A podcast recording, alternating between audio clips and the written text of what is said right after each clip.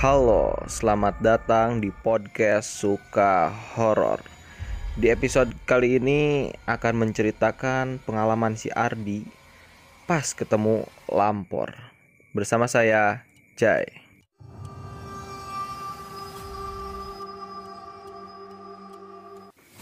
Jam satu malam, si Ardi lagi dengerin podcast komedi. Ingat ya, podcast komedi, bukan horor.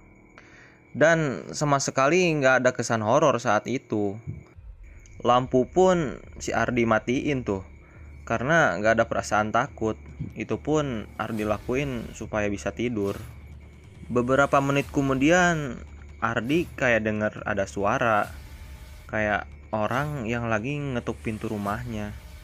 Dan suara itu jelas banget. Ardi berhenti sebentar buat mastiin kalau itu bukan halusinasi. Terus dia ambil lampu senter dan Ardi rekam berharap suara itu muncul lagi. Fenomena ini bukan terjadi di rumah Ardi doang nih. Beberapa temannya ngaku pernah diteror dengan suara ketukan pintu. Tapi mereka nggak berani buat buka pintu. Bahkan di desa-desa sebelah pun lagi rame isu lampor. Sebagian warga yang percaya mereka memasang boneka dan mereka juga memasang obor di depan rumahnya. Yang justru menurut si Ardi itu menambah kesan horor. Nah, berita lampor ini diperkuat dengan banyaknya orang meninggal yang berbarengan dalam sehari.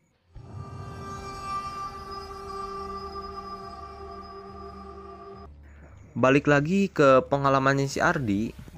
Jadi malam itu emang sepi. Si Ardi dengar ada suara ketukan sebanyak tiga kali. Pertama yang si Ardi lakukan ialah lihat dari jendela, tapi nggak ada siapa-siapa. Tapi di sini si Ardi masih penasaran, siapa yang ngetuk pintu malam-malam gini. Si Ardi penasaran nih, dia pengen lihat apa yang ada di luar rumahnya. Pas si Ardi buka pintu, kalian mau tahu apa yang si Ardi lihat? Gak ada siapa-siapa. Si Ardi sampai lihat ke samping rumah. Dia nengok kanan kiri, tapi nggak ada siapa-siapa. Karena nggak ada siapa-siapa, si Ardi pun masuk lagi ke rumahnya. Dan si Ardi pun memilih untuk tidur.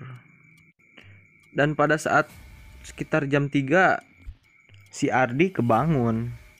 Dia ngerasa lehernya kayak ada yang nahan.